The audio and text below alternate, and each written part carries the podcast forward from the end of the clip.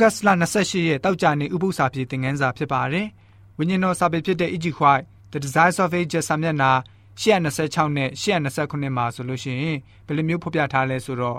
သခင်ခရစ်တော်မှာကျင်နာယူကြစွာတိုးထိန်ကောင်းတွေလိုမိဘတွေရဲ့မိသားစုအပေါ်တက်ရောက်မှုကယ်တင်ရှင်ရဲ့တနာချင်းကရုဏာတော်အနိုင်မဲ့မြတ်တာနဲ့ရစ်ပတ်ချီနှောင်ထားရပါမယ်။ဖះရှင်ပြတော်မူတဲ့ဖះရှင်ရဲ့ကောင်းကြီးမင်္ဂလာလမ်းဟာကောင်းကြီးရရှိဖို့လမ်းကိုသာညွှန်ပြပေးတာမျိုးမဟုတ်ပါဘူး။ ဆက်ဆောင်မှုနဲ့ပြည့်တဲ့လမ်းနဲ့ဖះရှင်ဖော်ပြတော်မူတာဖြစ်ပါတယ်။လူတွေကိုဖះရှင်ရဲ့ကရုဏာတော်ကနေအမြဲလွှမ်းမိုးပိုင်ဆိုင်လိုတဲ့ဆန္ဒရှိပါတယ်။ဒီတို့ကြောင့်ခရစ်တော်ရဲ့အစေခံတွေဟာ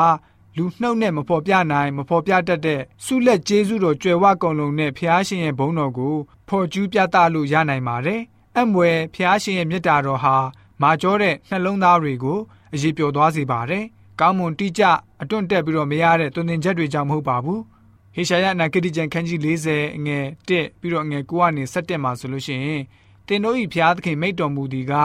ငါဤလူတို့ကိုနှစ်သိမ့်စေကြလော့နှစ်သိမ့်စေကြလော့ဈေးုံတောင်တို့ဝမ်းမြောက်စရာသတင်းကိုဆောင်ခဲ့တော်သူမြင့်သောတောင်ပေါ်သို့တက်လော့ယေရုရှလင်မြို့သို့ဝမ်းမြောက်စရာသတင်းကိုဆောင်ခဲ့တော်သူကျေသောအတန်ကိုလွှင့်လော့မစိုးရိမ်ပဲအတန်ကိုလွှင့်လော့ တင်တို့ဤဖျားသခင်ကိုကြည့်ရှုကြဟုယူဒမြို့ရွာတို့အားပြောလော့ကြည့်ရှုလော့အရှင်ထာဝရဖျားသည်ကြီးသောတကိုးနှင့်ကြွလာ၍လက်ယုံတော်အားဖြင့်အစိုးရတော်မူလိမ့်မည်မိမိခံတော်မူထိုက်သောအခမိမိ၌ပါလျက်ဆုလက်တော်သည်ရှေ့တော်၌ရှိ၏မိမိတိုးစုကိုတိုးထင်းကဲ့သို့ကျွေးမွေးတော်မူမည်တိုးတငယ်တို့ကိုချီ၍ပိုက်ပွေတော်မူမည်သားငယ်ရှိသောတိုးမတို့ကိုလည်းဖြင်းညင်းစွာပို့ဆောင်တော်မူမည်ဆိုပြီးတော့မှဝိညာဉ်တော်စာပေဖော်ပြချက်များအပြင်တောက်ကြနေဥပု္ပ္ပစာပြေသင်ငန်းစာက ဖော်ပြပေးထားပါတယ်ဥပု္ပ္ပစာပြေသင်ငန်းစာကိုကတော့ဒီလောက်ပဲဖြစ်ပါတယ်ဥပု္ပ္ပစာပြေအစီအစဉ်တစ်ဆက်သူကျွန်တော်ဆက်ဆောက်ပါကျမ်းနာတော်သူရောက်စီတိုင်းဝိညာဉ်ခွန်အားနဲ့ပြေဝကြပါစေကျေးဇူးတင်ပါတယ်